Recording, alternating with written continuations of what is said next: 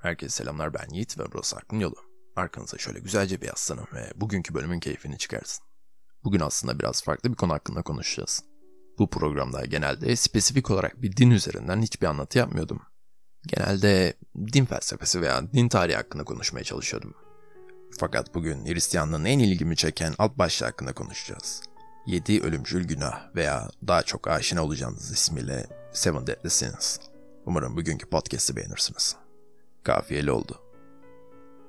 Hristiyanlıkta günahlar hakkında çok atılır tutulur ve bu yüzden 4. yüzyılda kilise tarafından 7 ölümcül günah tanımlanmış.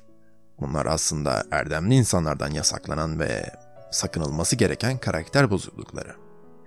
Ve bir de 7 ayrı erdem var, onu başka bir bölümde konuşuruz. Bu günahlardan her biri insanın ihtiyacı olduğundan daha fazlasını arzulaması kaynaklı durumlar. İsterseniz önce size bu günahların bir listesini vereyim. 1. Pride yani kibir. 2. Envy kıskançlık. 3. Wrath yani gazap. 4. Gluttony yani oburluk. Muhtemelen glutenden geliyor. 5. Lust şehvet. 6. Slot yani miskinlik ve son olarak da greed, açgözlülük. Hristiyanlık ve kilise işte bunları ruhların cezalandırılması ve sonsuz azap katında yerlerini almalarının yedi yolu olarak işaretledi. Bizzat Tanrı kıyamet gününde bu günahkarlara karşı merhametsiz davranacak ve onları Araf'ın en karanlık, en ızdıraplı kısımlarında bin yıllar geçirmeleri için gönderecekti. Tabii biz şimdi böyle ağır kelimeler kullanmıyoruz öyle değil mi? Günümüz Hristiyanları da kullanmıyor. Heriflerin genelde bu günahlardan haberi bile yok. Yani ben zaten Tanrı'yı ölüm sonrası azapları düzenleyen bir varlık olarak görmüyorum. Ama işte 2020 yılında ismine karakter bozuklukları dediğimiz bu şeyleri gerek normal hayatımızda gerek Twitter'da inanılmaz derecede farkında olmadan defalarca kullanıyoruz. Toplum olarak şunun farkında olmamız gerekiyor. Gerek Hristiyanlıkta olsun gerek Müslümanlıkta günah diye adlandırdığımız davranışlar hiçbir zaman sadece günah değiller. Mesela aklıma şöyle bir şey geliyor. Dindar insanlara günah olan şeyler, dini inanmayan insanlar için doğru bir davranış olarak mı algılanıyor? Hayır çoğu zaman öyle değil öyle değil mi? Ee, bu da daha büyük bir felsefik sorun olan ahlak dinden mi gelir yoksa insandan mı gelir sorusuna bir cevap veriyor bence. Hristiyanlıkta bildiğimiz gibi insanlar günahkar doğar. ya bir bebek nasıl günahkar olabilir? Biz günahkar değiliz. Sadece birçok alanda çok fazla acı ve ızdıra bile karşı karşıyayız.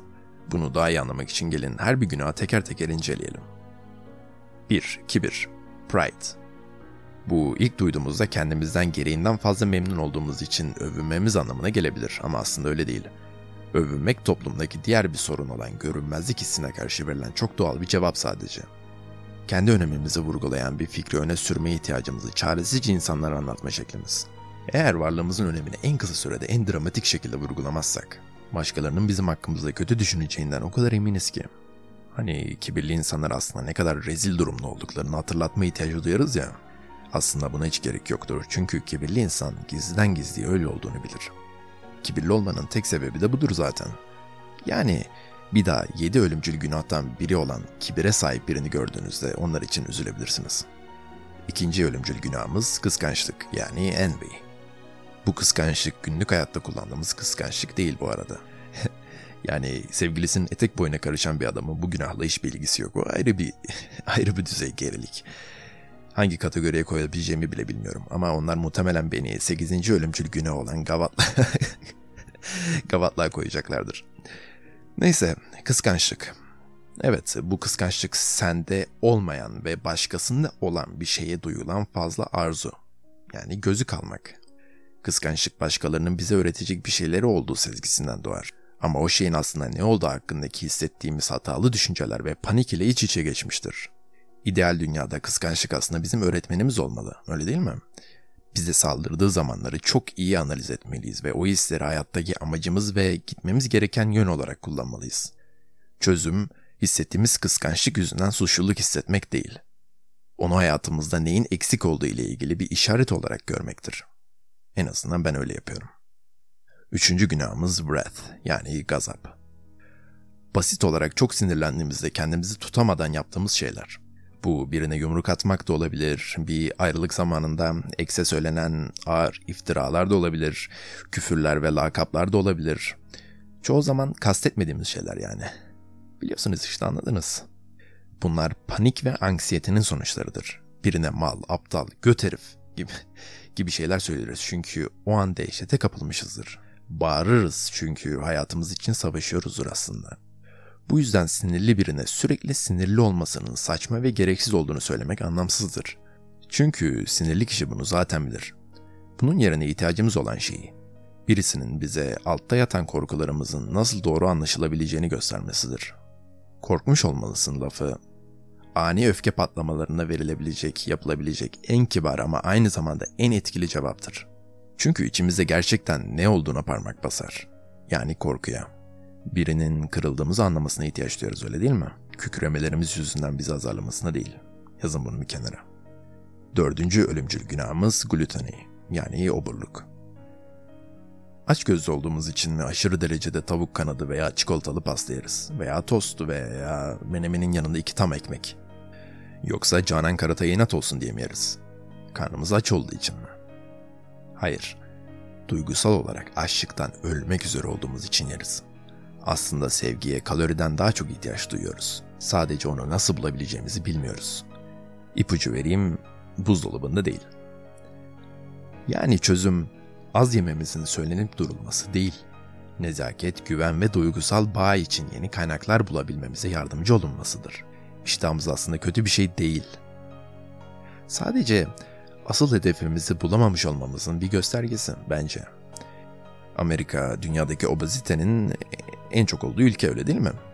Peki Türkiye'nin Avrupa'daki en çok obeziteye sahip olan ülke olduğunu biliyor muydunuz? Bunu da bir yere yazın. Yani aşırı iştahımız aslında duygusal gıdasızlığımızın simgesi. Beşinci ölümcül günahımız lust. Şehvet.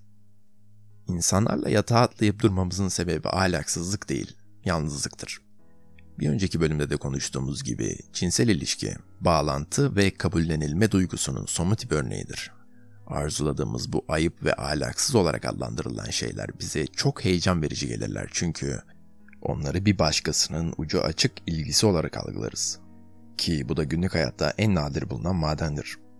İdeal olan şey daha az şehvet veya daha az bafileşmek değildir.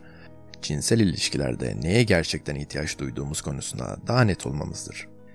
Ki bu da karmaşık olan ve insan olmaktan gelen özelliklerimizin kabul görmesidir. Bu konuyu daha ayrıntılı bir şekilde dinlemek isterseniz podcast'in nedenini tam olarak anlayamadığım bir şekilde en çok dinlenen bölümü olan seks bölümüne sizi davet ediyorum. Sona yaklaşıyoruz.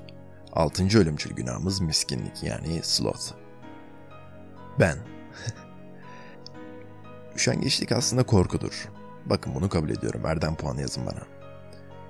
İşimizin başına oturmaya dayanamayız çünkü eğer kendimizi işimize verirsek korkunç bir duygu olan küçük düşürülme riskini almış oluruz.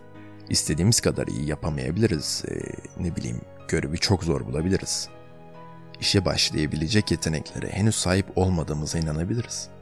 Bunlar gerçekten anlaşılabilecek kaygılar. Şu an kendimi avutuyorum. Başarısızlık değil ki bunlar, değil mi? Değil ya. Değil. Bence hareketsizliğimizin altında bir facia beklentisi yatıyor. Çalışmaya ancak hiçbir şey yapmamanın korkusu, o şeyi kötü yapmanın korkusundan daha büyük olduğunda başlarız. Ve son günahımız greed yani açgözlülük. Kendi adil hakkımızdan daha fazlasını alma dürtüsü.